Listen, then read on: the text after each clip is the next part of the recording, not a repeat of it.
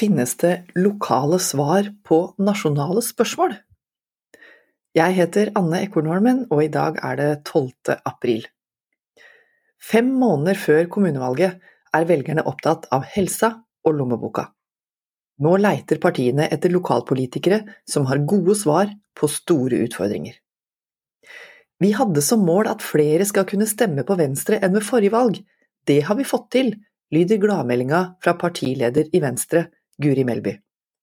I 2019 kunne 92,8% av landets befolkning plukke med seg ei venstreliste fra stemmeavlukket.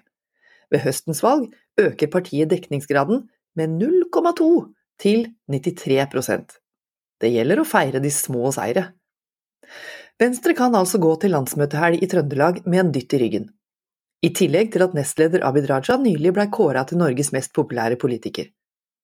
Blir alle listeforslaga godkjent, stiller Venstre i 217 kommuner ved høstens lokalvalg, 19 av dem nye.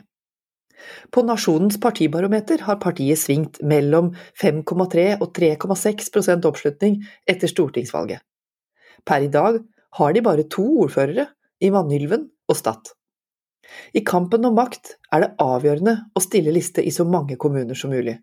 Det må mobiliseres nok ildsjeler, nok politisk interesserte, samfunnsengasjerte mennesker som ønsker å bli folkevalgt og stille i kommunestyret.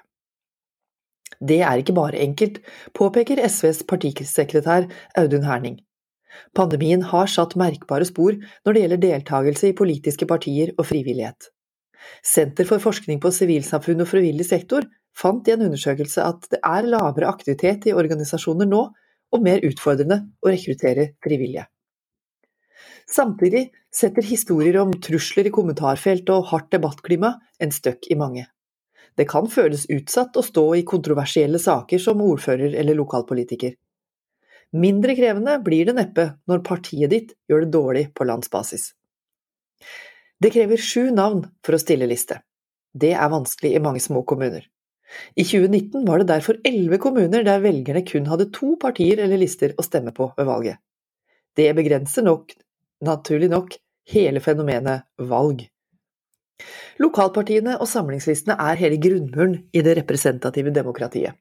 De store, Ap, Sp og Høyre, stiller i rundt 3 350 kommuner. Etter at fristen for listeforslag gikk ut 31. mars, har de tre foreløpig ikke oversikten helt klar. Ved valget i 2019 hadde Senterpartiet 99,8% dekning, og i bare fire kommuner kunne velgerne ikke stemme på dem. Det la grunnlaget for det gode stortingsvalget to år etter. Og sånn er engasjement, mobilisering, tillit og makt tett sammenknytta. Etter en bratt regjeringsperiode skal det noe til å holde det nivået.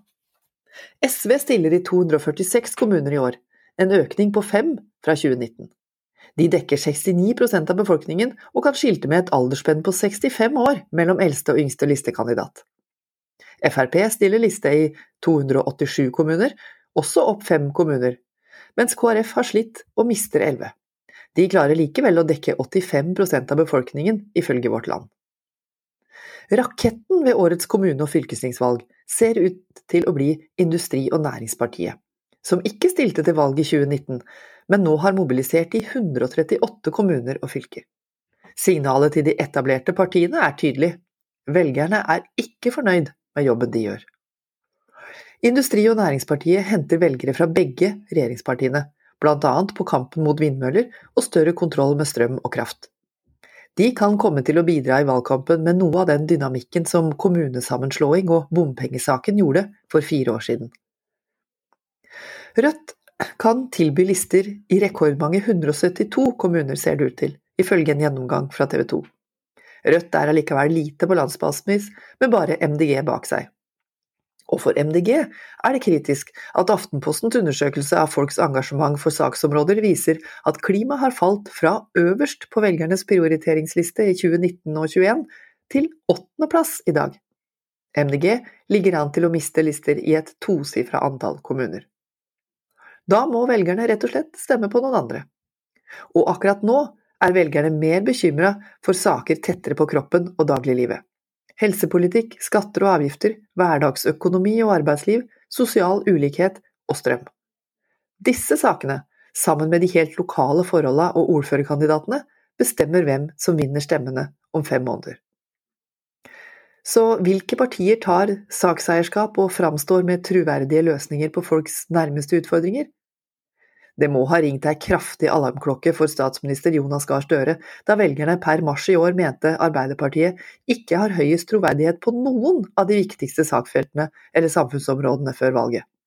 Det er dramatisk for Ap som ordførerparti, med langt større ambisjoner enn de rundt 18 prosentene de har ligget på i nasjonale målinger siden jul. Kan de få et nytt troverdig grep om helsepolitikken, skole, eldreomsorg? Nye og erfarne lokalpolitikere kommer til å få store oppgaver i henda. Jeg heter Anne Ekornholmen, og nå har du hørt Nasjonen på øret.